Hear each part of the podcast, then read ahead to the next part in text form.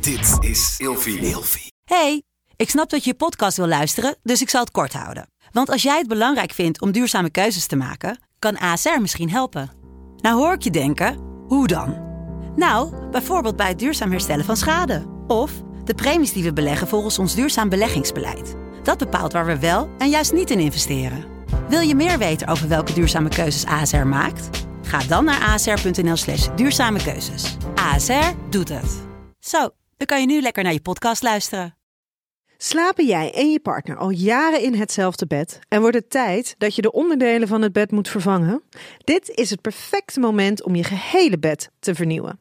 Je krijgt namelijk extra korting bovenop de lopende kortingen bij Emma Sleep met de code RELATIEVRAGEN in hoofdletters. Dus ga snel naar emmasleep.nl en bestel jouw bed. In deze podcast deel ik, Nienke Nijman, graag mijn gedachten met jou als seksuoloog en relatietherapeut.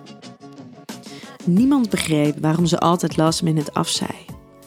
Niemand begreep waarom ze met een regelmaat ziek was.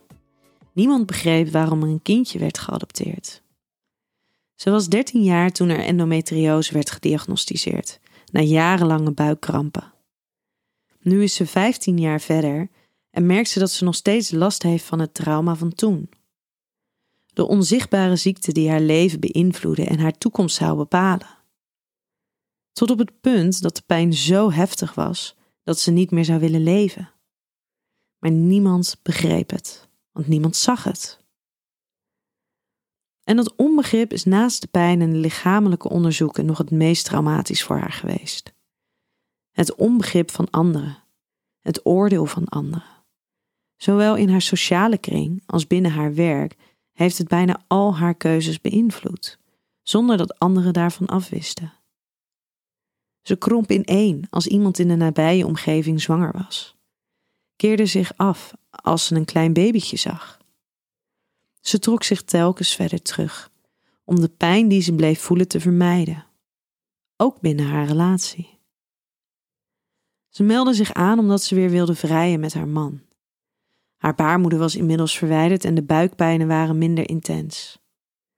De afgelopen 15 jaar had ze angsten en stemmingsklachten ontwikkeld. Ze had voortdurend lichamelijke klachten en ze voelde zich enorm schuldig naar haar man toe. Ze vertonen een beeld van PTSS, niet omdat ze misbruikt was, maar van al die fysieke onderzoeken in het ziekenhuis. Al die pijn die ze had gevoeld. Rationeel wist ze dat de artsen haar wilden helpen, maar emotioneel ging het over al haar grenzen heen. De seksuele problemen waren wel aanwezig, maar leken een gevolg te zijn van de endometriose en haar trauma. Na drie keer EMDR, wat ook wat traumatherapie is, opende een wereld voor haar. Ze was minder angstig, voelde de liefde voor haar geadopteerde zoontje veel intenser.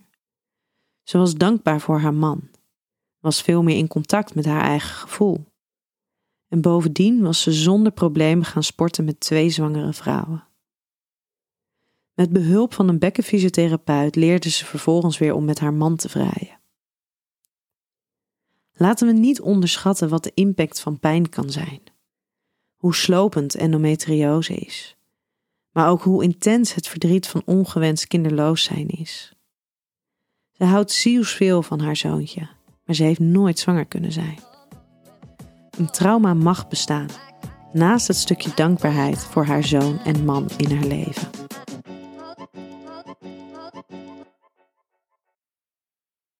Met de code RELATIEVRAGEN in hoofdletters krijg je 10% korting bovenop de 50% korting die je nu krijgt op het bed dat ik bijvoorbeeld heb. Dus ga snel naar emmasleep.nl en bestel jouw bed.